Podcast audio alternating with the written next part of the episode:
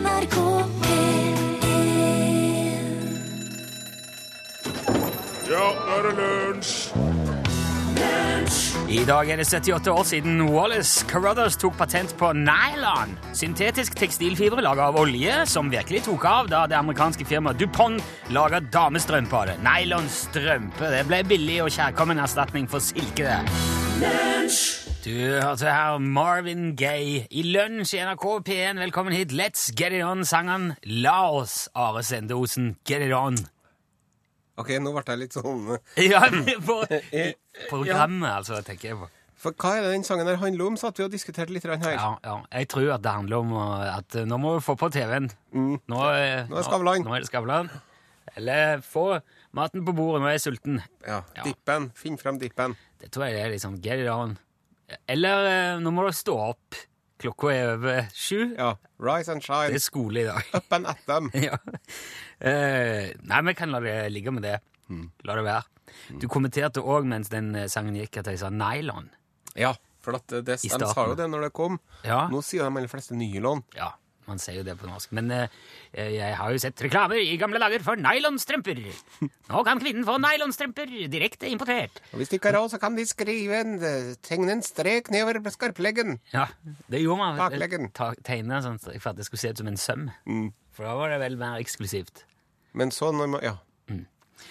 Eh, jo, det er altså vår eh, faste produsent eh, Torfinn Borchhus er i, i, forhindret fra å være her. Det er veldig hyggelig at du kan i hans sted, Are. Takk for det. Veldig hyggelig å bli spurt. Jeg syns jo at knekkebrød er en strålende oppfinnelse. Mm, jeg òg. Ja, Det er jo en svensk oppfinnelse, men eh, likevel. Veldig, for, veldig glad i knekkebrød. Det er jo fordi at eh, det, de har så mye sukker i det vanlige brødet sitt, svenskene, at det ikke er så veldig godt. At de er jo nødt til å finne på noe annet, og så lager de knekkebrød istedenfor. Det er jo også, det antas å ha sin opprinnelse i Østre Värmland. Og det var jo også veldig praktisk, for det holder så lenge. Det er så lite fuktighet i det. Det er mindre enn 10% vann i knekkebrød. Ja. Så derfor um, er det jo Og konservering er jo alltid et tema. Var det i hvert fall før man fikk både Sous vide og Ja, fryser og kjøleskap og alle de tingene. Så det har liksom i alle tider vært praktisk, billig og god mat. Vazelina Bilopphøggers og Gaute Grøtta Grav har jo begge sunget om knekkebrøds fortreffeligheter. Med kanskje varierende hell. Ja. Eh, Sistnevnte sier òg spesifikt i sin sang at knekkebrød er billigere enn kjøtt. Og så så jeg et TV-program med, med Harald Eia og noe sånn humorgreier i helga, hvor han tok for seg det spesifikt og sa at det er jo feil Ja. at, at knekkebrød er billigere enn kjøtt. Og det gjorde litt inntrykk. Men så var jeg på butikken i dag, i morges, før jeg kom på jobb, og kjøpte knekkebrød. ja. Og da kjøpte jeg eh, mine favorittknekkebrød. Det- De er litt sånn jålete, må jeg innrømme. Det er sånn Helios økologiske spelt med ost-knekkebrød. Fint skal det være. Ja, men de er veldig gode. Jeg også. husker Før i tiden da spiste vi Vasa knekkebrød og Ja. med det, men det er litt for Nilsson Nei, der. men de, de er ganske store, da. Ja. Og så er det ett som jeg krekker på. Det er et mellommåltid, det. Og det er, det er sånn perfekt. Ja. Og nå ble jeg kikket ekstra nøye på prisen da når jeg var på butikken i morges. Og så ser jeg at ok, den pakken der, der er det åtte knekkebrød oppi, den koster 48,90. Ja. Oh. Det er ganske mye. Det er jo, med, det er jo over seks kroner per knekkebrød. Ja. Og i så måte Jeg tror et sånn et vanlig Vasa-knekkebrød koster vel fire eller fem i kantina her. Og det er jo kantinepris som Ja. skal holde liv i kantinepersonalet i tillegg. Ja, ja, ja. Jeg sier ikke noe på det. Men altså, i det store og hele så er det ikke et sånn stort eh, økologisk superknekkebrød, så det der jeg tåler seks kroner, tenker Ja. jeg. Men hva er kilosprisen da, Nilsson? Kilosprisen på det er 244 kroner 50 øre. Ja, det er jo sånn entrecôte-pris omtrent. Ja, men rett ved siden av så sto det en annen type knekkebrød som kosta 55,50 for pakken. Det var en litt større pakke fra Pyramidbakeriet i Sverige. Å. Um, og det var et litt Det var ikke et så avansert knekkebrød. Det var vel noe rug-surdeigsbasert knekkebrød til 411 kroner og 11 øre per kilo. Og nå snakker vi indrefiletpris. Eh, godt og vel. Ja, sånn spesialku som har fått uh, høre klassisk musikk og blitt servert øl og knadd. Ja, fått massasje. Ja. Ja. Det er altså 400 kroner kilo for fullkornsrug, hvetemel, maismel, vann, surdeig, gjær og salt. Det, uh, Et kilo hvetemel koster sånn ish ti kroner i butikken. Det er forutsett at du kjøper det i papirpose. Hvis du tar de der nye pappkartongene, så koster det nesten 20 kroner. Oh, ja, ja. Den gjør melet nesten dobbelt så dyr. Ja. Det skal du bare passe deg for. Og egentlig så burde jo ikke Man burde ikke bli så veldig overraska av dette, for jeg vet jo at det blir lurt Forsøkt i hvert fall lurt trill rundt hver gang jeg går og handler. Gjør jo det. Hvis du, ja, hvis du kjøper fre, sånn kjøtt som er krydra, for eksempel, så stiger kilosprisen gjerne med 30-40 kroner. Det er dyrt salt. Veldig dyrt salt. Og hvis, de, eh, hvis du eksempel kjøper majones eller makrell i tomat på tube, så er det jo ekstremt mye dyrere per kilo. ja. For den tuba der, den er ikke billig. Og det, mange ganger lønner det seg ikke å kjøpe stort heller. Og det så jeg forrige uke da jeg var og handlet, da var det altså sånne 700 grams bokser med kyllingkjøttdeig. Ja. De var dyrere per eh, kilo enn 400 grams bukse. Ja. Så jeg sparte penger på å kjøpe mer emballasje. ja. Samme med små pakker med skistudels, Koster mindre enn for to stykker enn for én stor. Ja, ostepop, ja. Ja. Eh, ja. Og, og apropos det, hvordan foretrekker du ostepopen? Jo, jeg foretrekker den eh, ikke mykgjort. Jeg foretrekker ah, ja. den rett ifra posen. selv. Ok, ja. Det var, bare, det var en digresjon. Vet du hvordan du, For jeg har funnet ut hvordan man kan la, mjuke den opp uten å behøve å ha den stående ute. Du kan bare dampe den Ja. i et dørslag. Det har vi vært innom før. Men det er litt vanskelig å være konkret, for jeg har drevet og sjekka dette her i dag. Nå i morgentimene, sjekka priser, men det er jo ingen som legger ut prisene sine på internett. Nei. Det vil de ikke gjøre. Veldig vanskelig å finne priser. Så hvis du skal sjekke dette her, hvis jeg skulle hatt noen veldig gode, konkrete eksempler Da må det være sånn for FBI, da. Ja, du må Brukerinspektøren å gå i butikken. Ja, du må det. Men eh, jeg ville gjerne nevne det likevel, og så ta med når du skal handle nå denne uka, se på kilosprisen. Ja, og så kan jeg få lov til å legge til. Ja. Så står det sånn, hvis, under kiloprisen eller noe, så står det pris per enhet eller per meter eller noe. Så hvis du skal kjøpe deg oppvasktabletter til oppvaskmaskinen din, Ja. så kan du se på hvor mye det koster per tablett.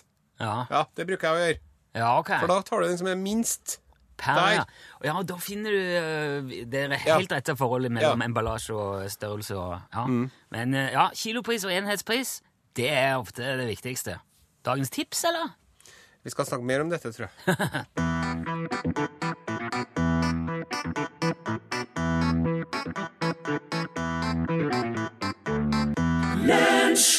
Vi, ja, vi var jo inne på dette med priser. Du er jo, blitt, du er jo veldig prisbevisst. forbruker. Ja, eh, En prisbevisst middelaldrende mann. Ja.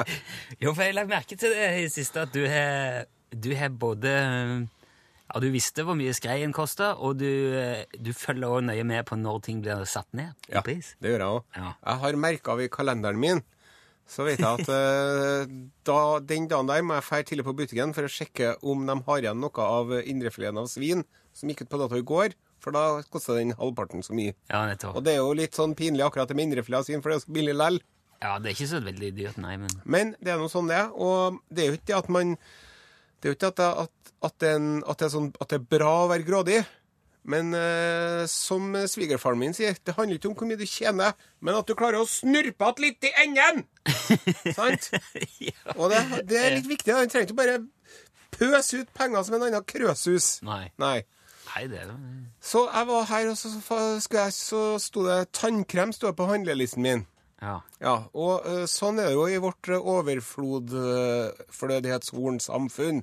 Så ser du at det er jo, du har jo 48 sorter tannkrem å velge mellom. Ja, det er. Ja, Med og uten fluor og, og forskjellige varianter. Og så så jeg, så så jeg en sånn Ja, den der, den så å god ut. Ja, Solidox med alt mulig rart. Den er lenge siden jeg har prøvd, liksom. Ja. Kanskje jeg skal prøve den?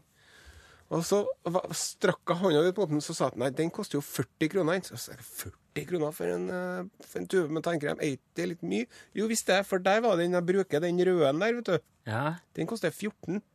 sier du det? Ja. Og dermed da, så hadde jeg kunnet kjøpe meg fire-fem tuber av den ene, Ja. eller én av den andre. Og da er for meg valget klinkende klart. Ja, jeg ser det. Og mens du snakker nå, så går det jo opp for meg at jeg ikke sjekker prisen på tannkremen. Nei, men der er, der Det er er noen fine penninger å spare. Ja, det er jo helt tullete. For den er sånn Jeg vil gjerne ha den. Den liker jeg godt. Det er den Mm. mot uh, dårlig ånde. Uh, guttungen liker den, og jentungen vil gjerne ha den. Ja. Vi har, vi faktisk, jeg tror faktisk vi har preferanse alle sammen i familien. Vi har fire forskjellige, forskjellige typer tanker. Og, da skal jeg komme med et tips til, for hvis du drar på f.eks.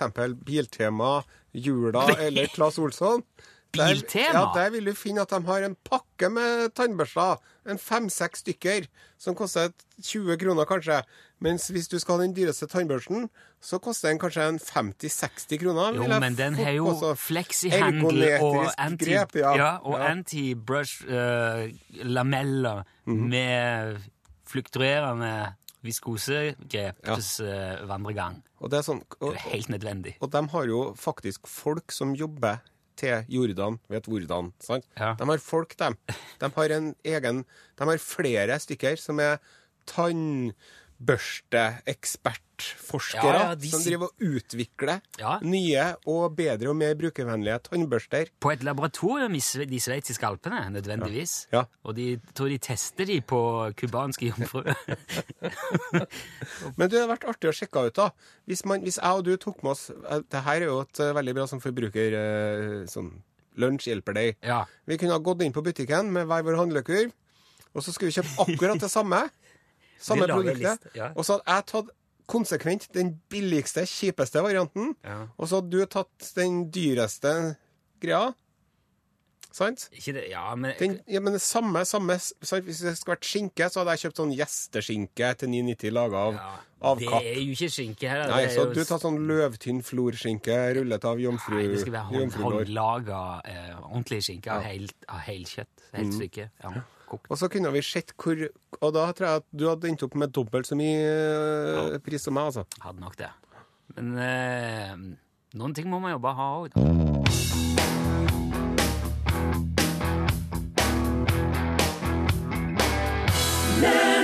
Nå skal vi eh, ha fuglenytt her i lunsj. Oi, det er jeg glad for. Mm, ja, og det skal handle om en uh, fugl. En veldig spesiell og artig fugl Ja. som lever i Afrika. Som har det latinske navnet indikator indikator. Eller den heter en indikator, heter den. Er det en sånn en som eh, man setter i et bur nede i ei gruve, som er en indikator på hvor, hvor, hvor farlig det er å oppholde seg der? Hvordan det er med karbon... eh, Indikatorfuglen? Ja, indikatorfuglen. Eh, en, eh, på norsk så heter den honninglos. Oh. Og den er en eh, Den tilhører da voksetarfamilien. Er dette, er dette en eh, stor eller liten fugl? Nei, eller? det er en uh, spettefugl Ok, så er den ganske liten, da. Mm. Ja, som lever i den tropiske delen av eh, Afrika, ok. og to arter som lever i Asia. Og det som er fascinating eh, med den fuglen her, da, det er det at eh, den honninglosen, den eh, er veldig glad i Honning, kanskje? Yes. Ja. Og det den gjør, den har utvikla et sånn eh, strålende samarbeid med mennesket, faktisk. Å, Fordi at uh, når du er nede i ja, Kenya, for eksempel, da, så drar du omkring uh, og går deg en tur, og så ser du en uh, Er ikke det der en honninglos, da? Så står honninglosen der. Jeg tror vi har noen lydklipp, faktisk. aha. Ja. Det det, det Der. Det er honninglosen, da. Som driver og skvalgrer og kvitrer og klatrer og Og der er han Attenborough. også. Hvis du ser han, da er det i hvert fall verdt å følge med. Ok, Og så- ja, så kommer du over en honningfugl. Så, så, så driver den og skaper seg, så tenker du all verden. Og så følger du etter den. Og så, eh, så fører den deg fram til en bikube. Aha. Og så tar jo du og tenner opp et bål og gjør biene De afrikanske biene er jo mye hissigere enn de vi er vant med her. Ja. Men, men med litt røyk og litt sånn teknikk, så blir jo de søvnige og døsige. Så åpner du bikuben, så tar du honningen, så du hjem til familien din med det, og alle er glad og fornøyd. Ja. Og så kan honninglosen feste på restene vet du, og spise opp eh, bilarver og biegg og bivoks og Så han- det partiet. da. Han har skjønt at hvis han leder mennesker til bikube, så blir det mat. Yes! Det er, jo- det er jo Ja. eh, moro. Ja. Og så er det sånn vet du, at det er noen, det er noen buskmenn som sier at når, når honninglosen har tatt deg med til en uh, bikube, så må du gi den litt honning. Men så er det noen som, for hvis ikke, så kan han ta deg med til en elefant eller en slange neste gang. Nei. Men så er det noen Det- som sier nei, det, du skal ikke eh, skjemme bort, det må bare la han få restene, og det er lønn god nok for strevet for honninglosen. da. Så det er omdiskutert. Ja, men, men det tror jeg ikke at han er så utspekulert at han Og faktisk så er det blitt så galt at, er- at det er noen stammer nede i Afrika hvor de har ordna seg egen honninglosfløyte. Så når de har lyst på honning, så blæser de i den fløyta, og så kommer honninglosen, og så tar de med dem bort til en bikube, og så eh, takk for i dag. Fascinerende. Mm. Der var han igjen.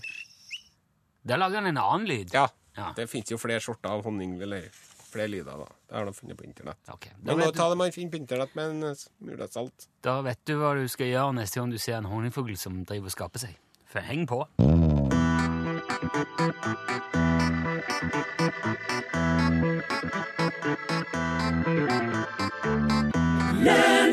Du, eh, i 1997 så ga Rolling Stones ut et album som het Bridges to Babylon.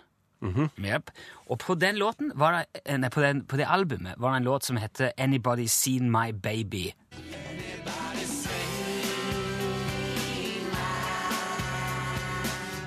Har du hørt den? Jeg kan ikke si, altså. Jeg er litt Jeg er ikke noen sånn Stones-mann. så- Nei, men det ble iallfall en helt sånn uh, respektabel hit der for Stones. eh, men eh, etter at han var gitt ut, så var det noen som påpekte at eh, du er ikke den. Det er veldig lik Constant Craving med KD Lang, som kom ut i 1992, altså fem år tidligere. Du kan høre. Det ligner ganske, ja. Det er veldig, du hører med en gang at det er noe der, ja. Eh, det var Mick Jagger og Keith Richards som skrev Stones-låten. Og da de ble gjort oppmerksom på dette, her, så ble de veldig forbløffa sjøl. Og sa ja, det var likt, ja. Og, eh, men de påsto sjøl at de hadde ikke hørt Constant Craving, så dette her var helt tilfeldig. Det var ikke noe, det var ikke noe kopi eller noe plan bak det der. Nei. Og det de gjorde, da, bare for å si at eh, ja, sorry, Ja. dette her er jo åpenbart du var først. Mea culpa. Ja, vi skal ikke ha noe søksmål, eh, så du bare får rettighetene til vår sang, sa de til Katie Lang og, og en annen som var med og skrev den sangen. Så, så, og sånn var det bare. Det var ikke noe mirakel over, da. Nei, og det er jo, hører jo til sjeldenhetene, men det er et sånn et veldig eh, litt sånn spesielt tilfelle det der. Men det skjer jo når, rett som det er at låter ligner veldig på hverandre. Og med så mange låter som skrives hele veien, så, så er det jo nesten ikke til å unngå. Det er ikke så mange toner i den skalaen, så på et eller annet tidspunkt så må man begynne å bite seg sjøl i halen igjen. Og vår lunsjlyttende venn Geir i Porsgrunn har lagt merke til en, en sånn en, et sånn en sammentreff eh, nå nylig. Han har hørt av, eh, på P1 en låt av eh, Nico Vince som heter When the Day Comes, som vi spiller nå. En ny låt av Nico Vince. Ja. Og så har han sittet og hørt på dette. Dette er minner meg om noe. Hva er dette her for noe? Dette her er jo noe annet. Og så har han lagt inn eh, den og en annen eh, låt da, eh, i, i GarageBand-programmet sitt på Mac-en. Og så har han bare justert Han sa justert tempo med 4% men ellers er alt akkurat sånn det skal være. Vi se om du hører, hører noe her.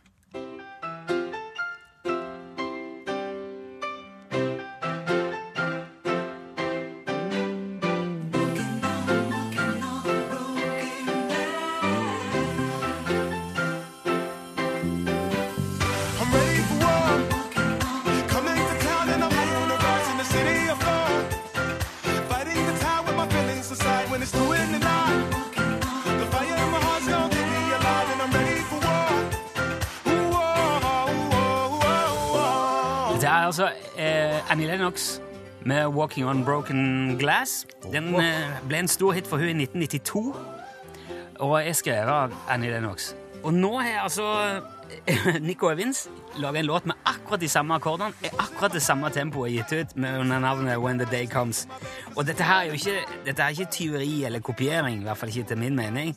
Men det viser jo at det er enkelte ting som bare fungerer. Det er nesten samme låten, da. Now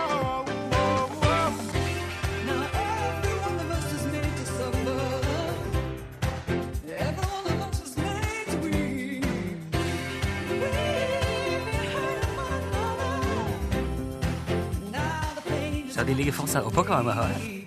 Gjør ja. ja, det er fascinerende. Jeg syns det er alltid veldig moro å høre sånne eksempler på at det er samme låten. Så tusen takk til Geir som eh, tok jobben og sendte den til oss. Ja, det var det var altså Annie Lennox og Nico Vince. Men her er Vesle May Solberg og Jon Solberg. Vintervise.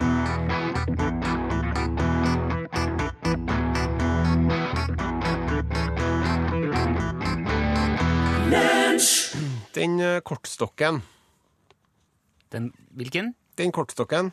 Ja, Den kortstokken, ja. ja den var Den som man bruker når man spiller eh, bridge Ja, eller poker eller Mattis eller Vriotter. eller uh, leggkabal. Ja. Det skal man jo være litt forsiktig med, for da er det jo enkelte som mener at man spiller kort med djevelen sjøl. Hvis man legger kabal. Ja. Jo, men ikke kort Det er mange som i, i på en måte sånn religiøst fortegn har vært veldig skeptiske til kortspill. Og med god Uansett. grunn, For før vet du, så spilte man seg jo fra gård og grunn Ja, ok. med kortstokken. At det er mer der, ja. Og en gang så kjørte vi forbi Snåsavatnet, og da sa han lydmannen Så sa han, ser du den øya der?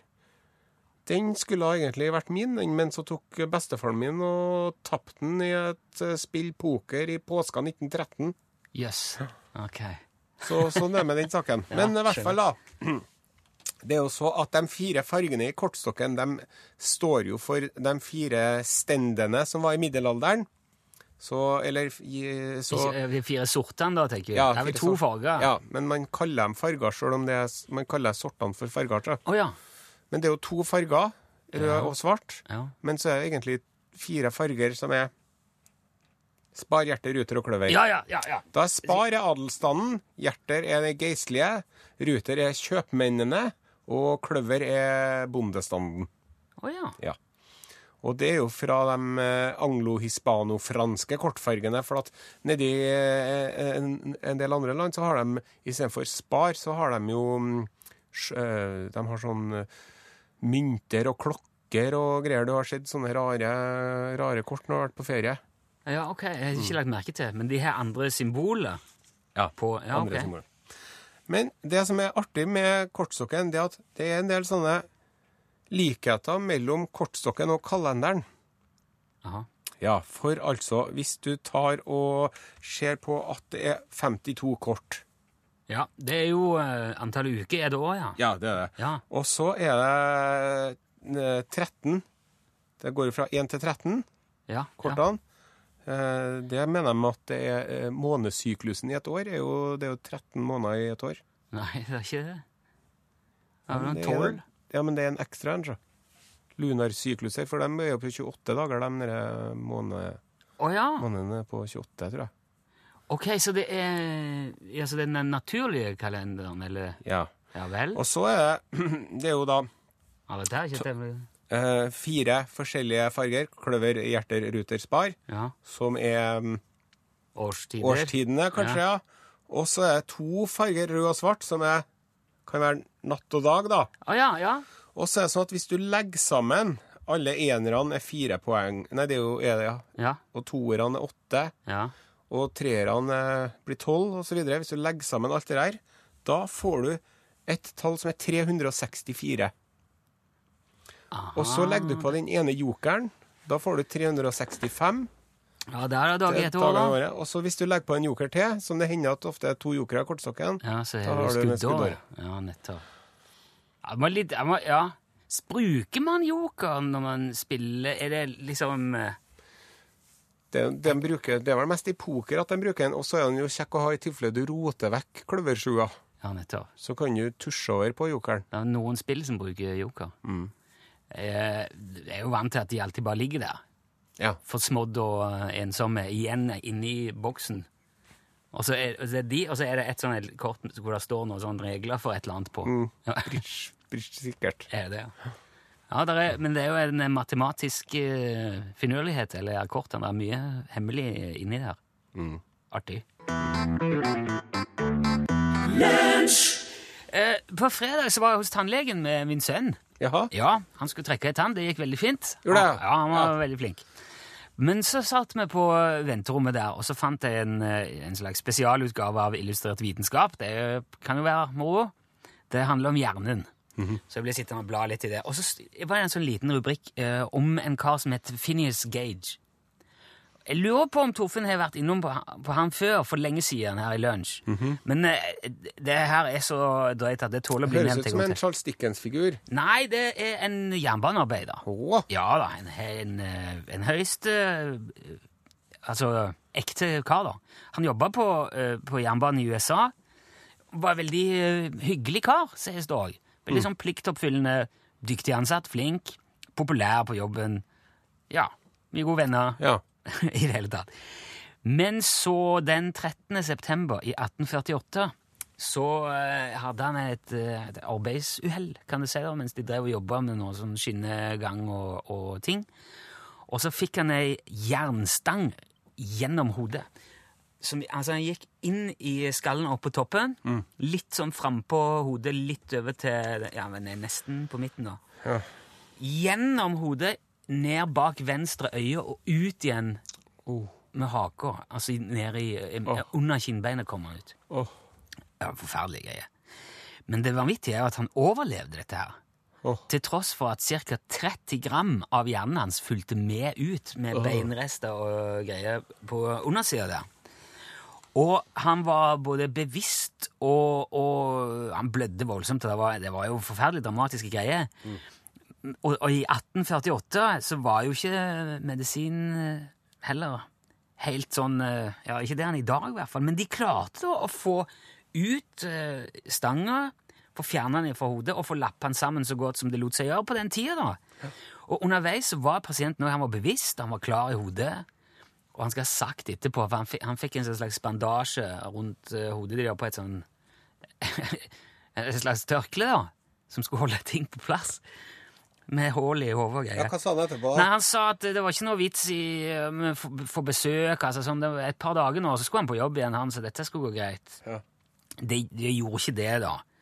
Men han var jo klar i hodet. Han var jo eh, med og prata med folk og Ja, Våken og bevisst. Ja, ja, til tross for at han altså mangla en betydelig klump av hjernen. Eh, men etter hvert så ble det ganske sånn trøblete, den der uh, rekonvalensen hans. Det, det eh, Ja, han, det var mye opp og ned. Han var jo dårlig da, men han kom seg. Og etter et år eller to så var han liksom tilbake i jobb og sånn. Men da begynte virkelig problemene, for den der pliktoppfyllende, den hyggelige eh, Phineas, han var vekk. Må jeg. Ja, og nå begynte han å skulke jobben, og eh, hadde humørsvingninger, frekk og kjip mot folk, og, og voldelig. Han, han banka opp kona si, rett og slett. Ja. Eh, og så eh, viste det seg da at uh, grunnen til det er at personligheten vår sitter i den delen av hjernen som han uh, fikk stanga gjennom, ja, i, i pannelappen. Ja.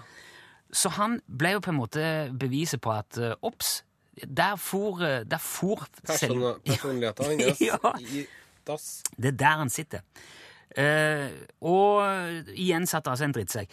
Han døde tolv år etter den ulykken, i mai 1860. Da var han ensom, deprimert, alkoholisert, i ganske dårlig erfatning. Hadde eh, dårlig forfatning, heter det. Han hadde hatt diverse jobber, prøvd seg på det ene og det andre, men det, han fikk det bare ikke til å gå. For han, han, var så, han var så dårlig. Og så begynte han å bli eh, sjuk, og så ja, det gikk det veldig nedover. da. Men det har blitt forska veldig mye på akkurat den ulykka hans, for det var altså første eksempelet som viste hvor personligheten personligheten sitter. At den sitter på en spesiell plass i hjernen.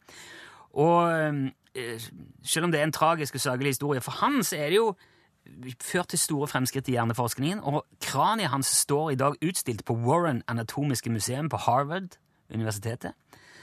Står der på en fot med et digert hull eh, i toppen, så du kan se hvor den eh, stanga gikk inn, og de sier at det er en av de mest verdifulle gjenstandene de har der. Og takket være han så vet vi nå hvor personligheten sitter. Og her Og ikke få en stang gjennom den delen av hjernen. Nei, hvis du skal ha stenger i hodet, så styr unna personligheten. Det er, du, altså, da er, Vi må ta oppsummere bitte litt av alt det som har foregått i dag, nå før Pål eh, Plassen kommer hit. Eh, det er flere som har sagt vi må spille Soldatens kortstokk med Stein Ingebrigtsen. Fordi at vi snakket om, eh, om kort. Den er fin, den, men jeg har lyst til å nevne at den er ikke hans. Ikke? Nei, det er en eh, låt som egentlig heter The Deck of Cards, som er et amerikansk resitativ som har blitt spilt inn i utallige versjoner på, sånn, av country- og westernartister. Ja. Det er countrymusikeren T. Texas Tyler som er kreditert for han, men egentlig så kommer selve manuset fra et stykke britisk 1800-tallslitteratur som heter The Soldier's Almanac Bible and Prayer Book. Så den går eh, langt tilbake. Det gjør det. Her kommer Pål, ja. Her kommer pallplassen. Og så er det jo det er et par ting vi må ta om, eh, om priser, sånn, for vi snakket om priser i starten av sendinga. Yes, og her er en som, på, som uh, forteller det at, at uh, i Utkants-Norge sjekker vi bensinpris, og best er det tid å fylle på er mandags formiddag mellom 8 og 12, og så er det dyrest på fredags kveld. Ja. Det er verdt å ta med seg. Ja. Så hvis du skal fylle bensin, så skulle du Ja, da må du gjøre det nå! Skynd deg, Ja. for nå er det snart tolv. Eh, og så er det òg en tannlege som har sendt en melding, for du snakket om tannkrempriser. Mm. Han skriver jeg er tannlege og bruker utelukkende Landlord-tannkrem fra Rema 1000. Ja. Du trenger kun sjekke fluorinnholdet på tannkrem, sier han da. Mm. Men så Monica har en innvending for å si om du tror du kjøper billig skyllemiddel i store kanner, er det fortynnet med vann og egentlig ikke billigere enn små kanner du bare bærer med deg mer vann. Ja, det Det jo skal man jo også tenke litt på. tullete. Finnes det egentlig luksustannkrem som er sånn kjempedyr, som du bare får kjøpt på Harrods i London? Ja, liksom? er garantert. Det fins jo luksus alt.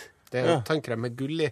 Eller kanskje tannkrem er det produktet i verden som liksom er Ja, det, for folk for, Altså, det er det jevne produktet, liksom. Ja, nei, det fins både det ene og det andre. Are har sett forskjell på eh, 30-talls kroner. han. Ja, du har det. Ja. Men så går det an, jeg skal fortelle dere en ting. Hvis du ikke har noe tannkrem, så kan du bare ha litt uh, forsiktig litt salt på tannbørsten din.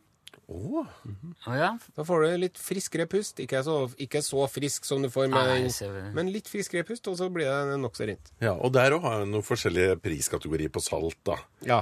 Er det det billigste saltet, eller er det det dyre flaksaltet du har på? Og flaksalt. Å, Ja. det er godt. Åh. Det kan du nesten maule litt. Sa han, og kjente blodårene knyte seg igjen. Men du, vi dreier oss veldig fint inn mot det det skal handle om i Norgesklasse i dag, fordi Og det her er da eh, Runes eh, sterke side, ser jeg for meg. Aha. De gode sausene. Ja, ja Du vet at han er kokk? Ja, ja. Ja. Ares er nok sikkert mer sånn eh, på saus Det, enn det meg. trenger ikke være noe tissekonkurranse her, her hele tida. Vi kan være enige om at vi er gode kokker begge to. Å. Ellers skulle vi ha en hollandes konkurranse i studio en dag. Det hadde jo vært litt artig da, eller? Ja, En hollandesk Og dagens gjest i Norgesklasse, hun kunne vært dommer der. For hun har nemlig skrevet doktorgrad på saus. Wow! Ja, Hun har eh, hatt eh, x antall gryter stående og putre i sitt lille kjøkkenlaboratorium. Ja. Og forska seg fram til hva er det som skjer med særlig da hollandes saus. da, Som du skal få høre mer om i Norgesklasse i dag. Akkurat nå har eh, Vidar Ja, Der sa han et sant ord. Er vi i gang? Ja. Hallo. Lenge Da må vi få si velkommen, og beklager at det ikke har vært noe særlig podkast de siste to dagene. Det er fordi vi har hatt det så skrekkelig travelt begge to. Men i dag så kommer det noen liten en, i hvert fall. da. Ja, du har et møte? Ja. Jeg skal i et møte, ja, som ble avtalt for lenge siden. Innkalling og greier på mail. Og jeg har allerede sagt at jeg skal komme. Det er alvor. Ja. Eh, Herr Nilsson eh, koser seg med en liten eh, leftover pizzabit fra helgen. Ja. Og det er sånn restepizza. Jeg har hørt snakk om det. Jeg har aldri sett det sjøl. Det er som Jerven eller Den avskyelige snømannen eller Socks are like sex to me. Tons of it about. I never seem to get any. Nei, for det ble- ble- pleier ikke bli noe igjen. Nei, det blir aldri noe igjen. Jeg har begynt å lage sånn Jeg var Solidepizza. ja. Fem-seks timer på 48 grader. Ja, det ble, det ble god. Ble, så, det er bare sånn smelte i munnen. Jeg spiser med sugerør. Nei, ehm, jeg har drevet og lagd pizza som sånn eh, Som man gjør på restaurant, liksom med saus og så ost og så uh, topping på toppen. Jeg gjerne bruker jeg bare det er litt sånn fancy Ikke fancy, men Nei. Nei, men det er sånn det er blitt når man har gjerne fylle oppå. Ja. Men så var vi ute på tur her med, med en, eh, en, en kjenning eh, som heter Stian. Som sa at han drev og lagde helgepizza, så lagde han en sånn 80-tallspizza. Steike kjøttdeig oppi tomatsausen og lage sånn ordentlig uh, røre. Sånn gode, og smøre på, og så masse ost på toppen, og så inni. Ja. Ja, det er det mange år siden jeg har gjort. Og så gjorde jeg det, da. Det er jo veldig godt. ja, det er kjempegodt. vet du. Og så er det nostalgisk i tillegg. Ja. Og da er det sånn eh, Ja, så er det veldig bra. Og da trenger ikke den deigen å være så tynn og sprø heller. Nei. skal den være. Og jeg husker når vi fikk det der. Endelig var det noe godt å få, for det lyttere som har noen år på baken, vet jo hvor mye trasig mat vi fikk på 70- og 80-tallet. Ja, det var- Jeg var jo over 20 år jeg, første gang jeg så en, eh, en, en brokkoli som ikke var forvellet og frosset i firkantpakke. Å ja, ser du det? Ja, ja. ja, men det var Jeg er sånn Uh, Sjampinjonger, eksempel. Det fantes ikke i butikkene før Nei, eh, bare på boks. Ja. Men jeg har noen eh, jeg har veldig anstrengt forhold til seibiff den dag i dag. Sei Det er sånn billig torsk. Jeg er ikke noe glad i sei. Nei. Jeg liker sei godt, jeg. Jeg, skal bare sette den sånn Skal sette den litt nærmere, ja. Takk skal du ha. Du er litt sånn perfeksjonistisk i forhold til lyden, du. Jeg prøver veldig, ja. Det skal være så bra som mulig. Mm. hvis vi hvis, hvis det er fin avstand til mikrofonen, så kan jeg få mye mer ut av det. Mm. Får ikke så mye klang av rommet og sånn, komprimerer på ja, lang historie. Og så var jeg på håndballcup i går med dattera mi. Oi. Og da tok jeg med meg en 500-lapp som jeg hadde liggende og slenge. ja, det, det, det, Ja. høres veldig nonchalant ut, men det var noe Jeg er jo så vant til å ha alle pengene mine på kortet. Ja, ja, jeg vet akkurat hvordan det er når det er en seddel i huset plutselig. Ja. Du må jo nesten ta det i nakken for å få brukt det til noe. At, mm. Og det kom godt med, da, for der var jo loddsalg, vet du. jaha. Jeg kjøpte jo alle loddene de hadde, for de kosta bare ti kroner stykket, så hadde de bare åtte lodd, da. Så først så kjøpte jeg fem lodd, og så vant jeg en refleks. og så tenkte jeg, da fikk jeg blod på tann, så jeg sa jeg skal ha resten av loddene òg. Så kjøpte jeg tre lodd til, og da begynte jeg å skrike hun lille jenta bak meg. For hun skulle ha lodd, hun òg, vet du. Uh. Men så fikk hun det loddet, da. Fikk ett lodd til meg. Jaha. Og så var jo sånn Det var jo håndballcup her her. Men nå ble jeg jo veldig nysgjerrig på om hun vant nå. eller? Nei, hun vant ikke noen ting under da. Nei, okay. Det så jeg etterpå, at de hadde jo, hadde jo nesten ikke noen premie igjen omtrent. Men det var noe det. Det var sånn underlig lodd. Det var sånn at, eh, at det var Du vant stort sett hvis det sto tre bakerst. 803, 813, 823 oppover. Og så 500 000 sånn. Ja, så, sånn, det var nå det. Men det er veldig forferdelig akustikk inni idrettshallene der. Ja, det er Så jeg skal ordne meg sånne litt fancy ørepropper. Det må vi kanskje snakke mer om hvor man får tak i det. Ja, det kan jeg Litt sånne hørselsvernere. Ja. Og mulig at man får det dekt gjennom arbeidsgiver òg her. Det kommer an på hva, hvordan, eh, hva man jobber med. Ja. Men jeg vil anbefale deg å ta drapsstøyping, da. ja.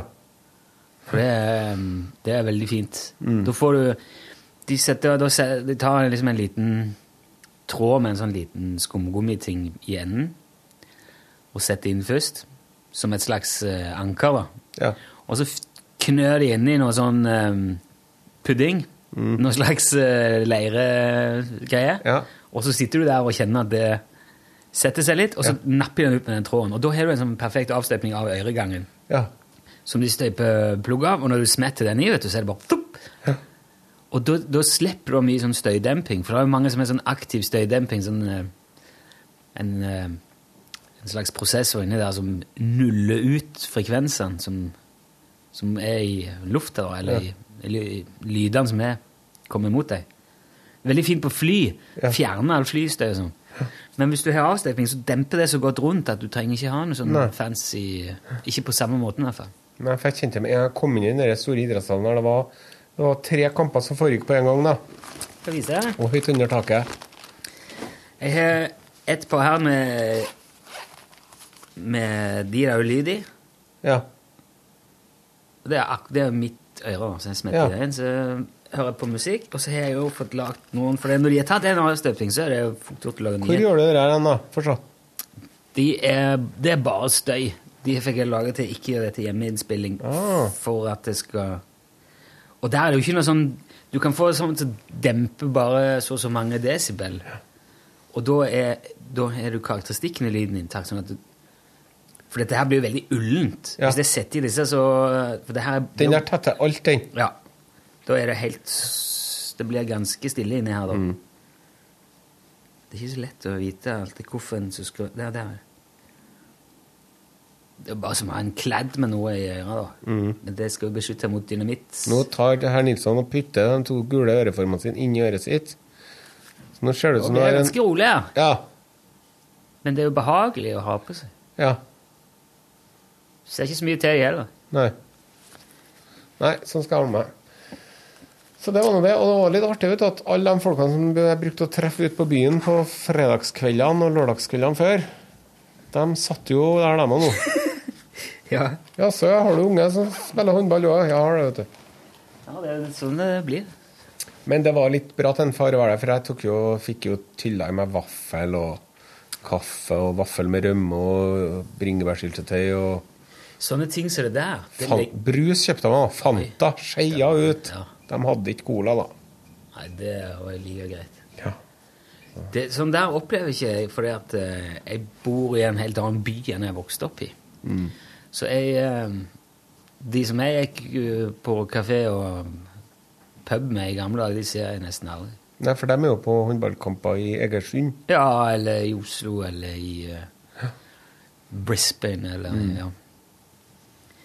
Jeg tenkt på det. Hvis du, hvis du blir boende der du vokser hvis du blir boende i hjembyen din, Ja. så vil jo altså Alle, alle vennene får jo Etter hvert som man er eldre, så blir eldre, så velger man seg yrke og retning og tar forskjellige utdannelser, får forskjellige jobber. Så på et tidspunkt så kjenner du jo plutselig at han er blitt rørlegger, han er blitt snekker, han er blitt lærer, han ble eh, forfatter, kanskje. Så det er sånn veldig sånn spekter av uh, forskjellige folk som du kjenner. da. Men hvis du flytter til et sted, så havner du mer i et miljø som ofte er knytta til jobben, da, eller Ikke sant? Så plutselig så sitter du igjen og kjenner jo bare journalister. Eller bare rørleggere, eller bare ja. fordi det, det blir inngangsporten til det sosiale biten. da. Så derfor, nå Hvis du skal flytte til en ny by, så er det veldig viktig å skaffe seg en fritidssyssel. tror jeg. Begynne å synge i kor. Ja. Eller eh, noe sånt. Taekwondo. Taekwondo. Hvorfor ikke? Ja, men Da får jeg jo bare sånn slåsskjempevenner. da. Det er jo ikke så... Nei, men eh, de er jo ikke slåsskjemper, de taekwondo-folkene. for De sverger jo hver eneste gang de har trening og ikke misbruker taekwondo. Ja. Det er vel Det er det de sier, i hvert fall. Grunnen til at jeg vet det, her er jo at jeg har jo en unge som går på taekwondo. vet du. Å ja. Det var like før de fikk verva meg òg. ja. Men så tok fornuften overhånd, faktisk. Jeg, var, jeg gikk på Kyokushinkai-karate da jeg var liten. Gjorde det? Ja. Jeg jeg vel et, tok vel ett ett eller to graderinger. Jeg, jeg kan ikke huske. Det er ikke så veldig mye. Nei. Må du det, da? Og så kan jeg få spørre lytterne, og jeg har et lite dilemma. Ja. Du skjønner det at jeg har en nabo Ja, som har kjøpt Han, han kjøpt Jeg mistenker ham for at han er sånn eh, det som, Han kjøpt Han kjøpte en tomannsbolig på andre siden av gata til meg. Mm. Så har han pussa opp det, og så har han bygd ut. Så driver han og leier ut til studenter, så bor han i den klossen som han har bygd på sjøl. Og så tror jeg at han har tenkt å bo her akkurat så lenge at han kan selge uten å betale skatt for det. For, og så skal han Jeg tror han driver og gjør sånn. Ok. En sånn uh, hushai? Ja, jeg tror han er det. Jeg vet ikke helt sikkert, men jeg tror han er det. Og så i tillegg, da, så er han så at han Søppelbøttene hans Søppelbøttene hans ligger velta for at de blåser ned av vinden. For at han har ikke noen sånn ordentlig plass å ha de søppelbøttene, så de står bare litt sånn på skrå mellom plena og veien. Og så blåser det. Og så gjør han ikke noe med det, vet du.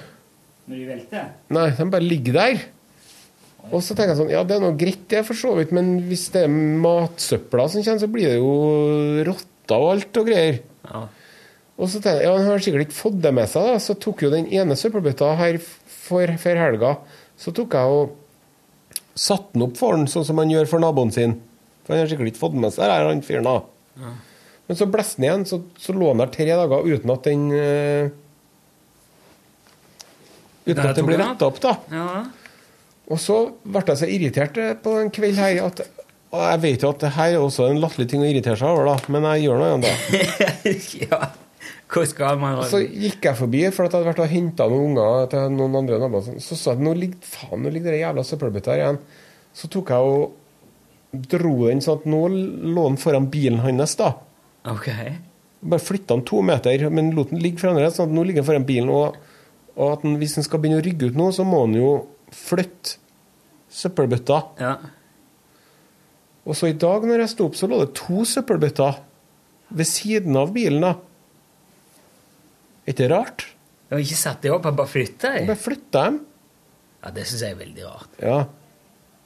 Så jeg, så jeg har lyst til å kjefte opp henne, men så sier samboeren min, da, som eh, veldig ofte er fornuftens røst, Ja. både i forholdet oss imellom og ellers Hun sier ikke bry deg om det der. Du må ikke la irritere deg over det der nå. Og det kan hende at han har det fælt, eller noe sånt. Ja, jo, men eh, til og med folk som har det fælt, kan jo sette opp søppeldunken som Ja. ligger velta i gården sin.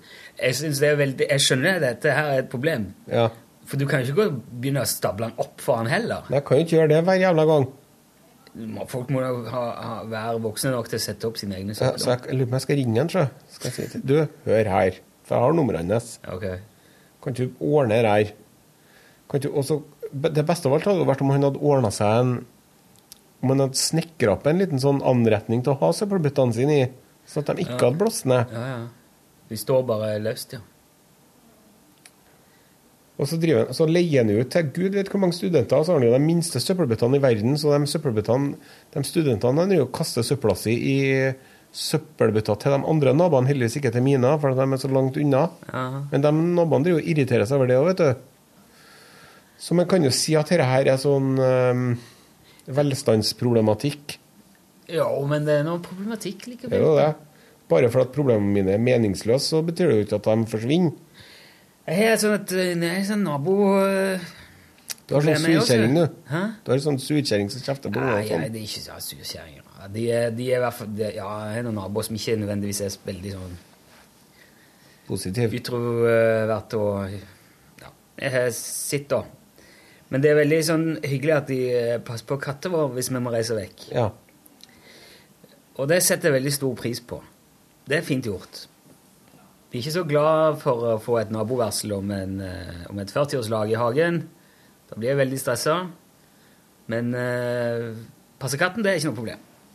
Men så blir de litt sånn overivrig med denne kattepasset. Ja, ja. Og driver og tar katta inn til seg når vi er hjemme òg. Og gir henne mat. Å, de driver liksom de Og- driver og egler seg inn på katta di. Ja, ta liksom Og så går det ganske lang tid å insinuere at vi passer ikke godt nok på henne. Oh. For det Det er jo ei katt, det, jo. It's Ja. a cat. Så i går så hadde jeg en sånn ordentlig skrubb, da. Ja. For da gikk vi forbi og ut- var ute og gikk tur, og så kom naboen i vinduet og sa ja, 'Ser du etter katta?' Gjør jo egentlig ikke det. Så nei, for hun er her, da. Så ja, hvorfor er det egentlig, sier jeg da, rente litt over. Ja. ja, jeg skulle komme ned. Så kom hun ned, så så så så men du, du må bare slutte med det der. Du kan, du kan ikke drive ta, for det, Jeg merker på det der katta at hun begynner å bli forvirra. Hun er aldri fornøyd med maten, for hun skal alltid Hun vet at uh, Nei, det der gidder jeg ikke. Da går jeg heller over til den andre plassen. Ja. Så nå vet ikke den katta helt hvor hun bor, virker det som på meg. da. Og så merker jeg det også på sånn atferd, for jeg tror de er mye mer sånn der for å ligge i sengene til folk, og Ja. de er mye mer eh, det er mer frislipp, da. Men du, kan du bare si 'ta den jævla katta', da, og så kan jo du ordne Ja, en jeg har sagt det, kattunge? jeg har sagt det nå. Nei, nei, nei, de skal ikke ha De har hatt katt før, men de skal ikke ha katt igjen. Ja, men dere driver og tar henne i Ja, nei, nei, men de skal ikke ha katt, nei. Og i, i går så sa jeg det til henne. Neste gang du tar inn en katt når vi er hjemme, så setter jeg bare over fôr, skåle og alt, så er det deres katt. Ferdig. Ja. Nei, nei, nei, jeg skal ikke det. Jo. Så, så nå, det, der står det nå, da. Og hvis eh, Men jeg vet ikke hva Er det normalt at man jeg, jeg, jeg, jeg har aldri hatt katt før, jeg. Men du kan vel ikke drive og gi andre folks katter mat? Nei, hvis du ikke har fått beskjed om det, nei. Nei, men da, for da De er jo troløse skjøge, de der kattene. De det. Jo- har jo ingen lojalitet overfor noen ting, sånn som jeg oppfatter det. i hvert fall. Jeg Og så er det sånn, En katt er jo ikke i hjel i løpet av fire dager hvis den ikke får mat heller, da. Da, da, da får den jo, Blir den sulten, så får den jo ta seg en mus. Ja, ja, det gjør den jo òg. Den gjør det, Ja. Ikke, spiser ikke de bare, bare holder helsike med det, piner Ja. men eh, tar de, ja. Det er våkner jeg i morgen av forferdelige pipelyder på utsida. Da har jeg tatt en fugl. Ja. Og så bare drev og herja med. Og er helt maltraktert. Rev bete av stjerten, og, og den fuglen var wii, wii, wii, og var helt sånn panisk. Mm. Hun blir jo torturert. Så jeg gikk ut, og der satt den der uh, lille Katthelvete. Ja, ja, hun satt jo og liksom var kjempestolt og uh, se på det. Og liksom, veldig kul på det. Og Og den lille fuglen satt jo der og rista og blødde og skalv. Ja. Så jeg måtte bare gå i boden og ta ei sligge, og så, ja. så heiv jeg den. Det var jo ikke noe hyggelig det heller, men eh, da var han så, da var han så medtatt Ja. mishandla, den der fuglen, at det var jo ikke noe annet å gjøre. Ja, faen, jeg drev og tok livet av en del skokk med fugler i forfjor, for at jeg har sånn bærbusker og ripsbær og sånn. Så kjøpte jeg sånn netting da, som jeg skulle ha over der, sånn at ikke trossen skulle ete opp. Satt de seg Og da fast? ble trossen hengende fast der, vet du, og kattene hadde jo party med hverandre da. Oi. Så det var tre-fire stykker som gikk i før jeg skjønte at nå må jeg bare ta vekk nettet. Du, ja, altså, hvis noen har noen sånn betraktning rundt det der kattedilemmaet, så setter jeg pris på sånn styrebehandling. Ja. Ja. Og apropos det, så har det kommet en Der har kommet en e-post her fra Don D. Som er veldig fint å få tatt når du er her. Ja. Han har nemlig et par spørsmål skrevet her. Noen gufs fra herr Nilssons mørke fortid. En. Under innspillingen av Sofa King Stupid, hvor mye pes fikk dere fra dyrevernere, eller bare pes generelt eh, grunnet krasjforsk? Åh, vi fikk så jævla mye pes at du vil ikke tro heller hvor utrolig mye pes det var om det der. Og det var jo altså det at det var jo misbruk av dyr, da. Det var jo ikke, da. Men det var jo eh, litt eh, Det var jo noen høner. Noen greier. Ja, men men, eh, vi hadde én levende og en død høne. hadde vi. Ja, det, Hver gang vi hadde høneeksperimenter, så fikk vi en levende og en død høne. Og vi leverte tilbake den, den levende høna. Ja. Og så var det sånn at vi, for at vi putta en levende høne inn i et kjøleskap, og så tok vi ut Så klippte vi Så jo. klippte vi, så tok vi ut den levende høna som fremdeles var i live, og så la vi inn ei død høne. Ja. Og så bikka vi kjøleskapet utfor et stup. Ja. Så det er jo sånn velkjent metode som man bruker når man lager film og TV. Ja. Filmtriks heter det. Men det, var, det skal sies at eh, vi tok livet av ei høne én gang. Ja, for da hadde vi fått en høne og en hane. Ja, den hanen var svart. En, en hvit høne som levde, og en svart hane som var død. Men det hadde jo, hadde jo egentlig ikke vært nødvendig, for vi hadde jo bare kunnet ha det, det er et mirakel for Krasjforsk hvis de hadde putta inn en hvit høne og så hadde det endt opp med en svart hane. Ja, konge. tenkte ikke så langt da. Det, ble, det, hadde jo, det hadde jo vært helt supersmart å gjort, da. Men uh, den ble tatt livet av på det som uh, Jeg tror nå det, altså, det var en For så vidt en human måte as far as killing goes. Da. Ærlig talt. Jeg mener, kom igjen, da. Hvordan er man dreper ei høne? Det er noen forskjellige måter å gjøre det på. Ja, det, Jeg tok jo av ei høne på fredagen, vet du. ja, jeg vet det, jeg så film av det. Torsdagskvelden. Eh, øks. Jeg brukte øksa. Nei, det var veldig mye Det var mye pes for det. Og folk blir mye sintere hvis du bare insinuerer noe som har med dyr å gjøre i forhold til mennesker. Ja. Og Njord, som eh, hadde regi på dette her og var vel en slags prosjektleder, eller hva det kan kalles, han kom på jobb her en gang, husker jeg, og da hadde det vært ei, ei ung jente med blomster i resepsjonen. Så det fikk han overlevert når han kom på jobb, og der stod, med et kort hvor det sto 'til alle de døde dyrene i Sofa King Stup'. Det er sant. Ja. Men det var jo veldig lite døde dyr, da. Det var det. ingenting. Uh, ja, så på spørsmålet på det Han sier svar avlegges på en skala fra minus 2,7 til 48. Jeg vil nesten si eh, Jeg vil si eh, Opp i 30. Ja, godt opp på 30-tallet. ja. To. Hvor langt tok det før de høye herrer i NRK forsto budskapet, om man kan kalle det det, bak programtittelen? Jeg vet ikke hvor lang tid det tok for de høye herrene, men han Osen sjøl brukte lang tid på å skjønne det. Da var jeg sistemann for all Du og han Knut og han Njord. Dere var sånn Sofa King Stupid, det er jo kjempebra. Ja. Så Sofa King Stupid, ja, det er jo helt topp, det. Men jeg skjønte skjønte ikke at det var so fucking stupid. Og så setter vi over til So Fucking Stupid. ja, men uh, det var jo uh, Jon Gordon Banander som var kringkastingssjef da. Ja. Og egentlig så var planen å kalle programmet Gordons Pitbull. Eller Fitbill. Ja, for det fant, ja, nei, jeg husker det veldig godt. Ideen var Gordons Pitbull, men så fant vi skulle skrive det med PH Ja. og Y. Ja. Sånn at det ble fittbyll. og så lo vi veldig av det og satte det opp som programtittel, og så kom det tilbake beskjed om at nei, Nei, det skal det ikke hete. Så da ble det Sofa King Stupid. Og om noen noen gang tok det, det vet jeg ikke, men jeg vet at uh, han uh, Han hadde vel noe sånn hallo Å, nå har jeg glemt hva han, han eh, var en kjent eh, profil i NRK. Han er død nå, dessverre. Dessverre. Åh, med briller og Ja.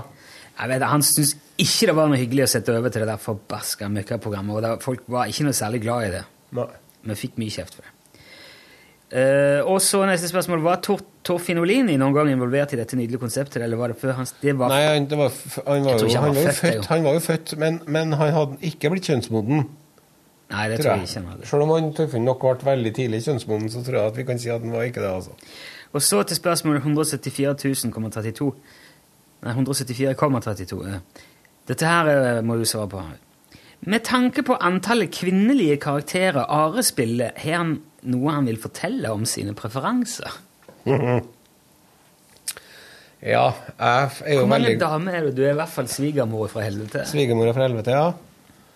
Og Var det flere damer? Ja, jeg var jo mora til den kjempebabyen òg. Ja, stemmer. Og det var jo det var sånn, Det var nesten ekkelt, for det var jo Da, da så du ordentlig dame ut. Det var sånn sminke og leppestift og å gå pupp og sånn. Ja, ja, ja.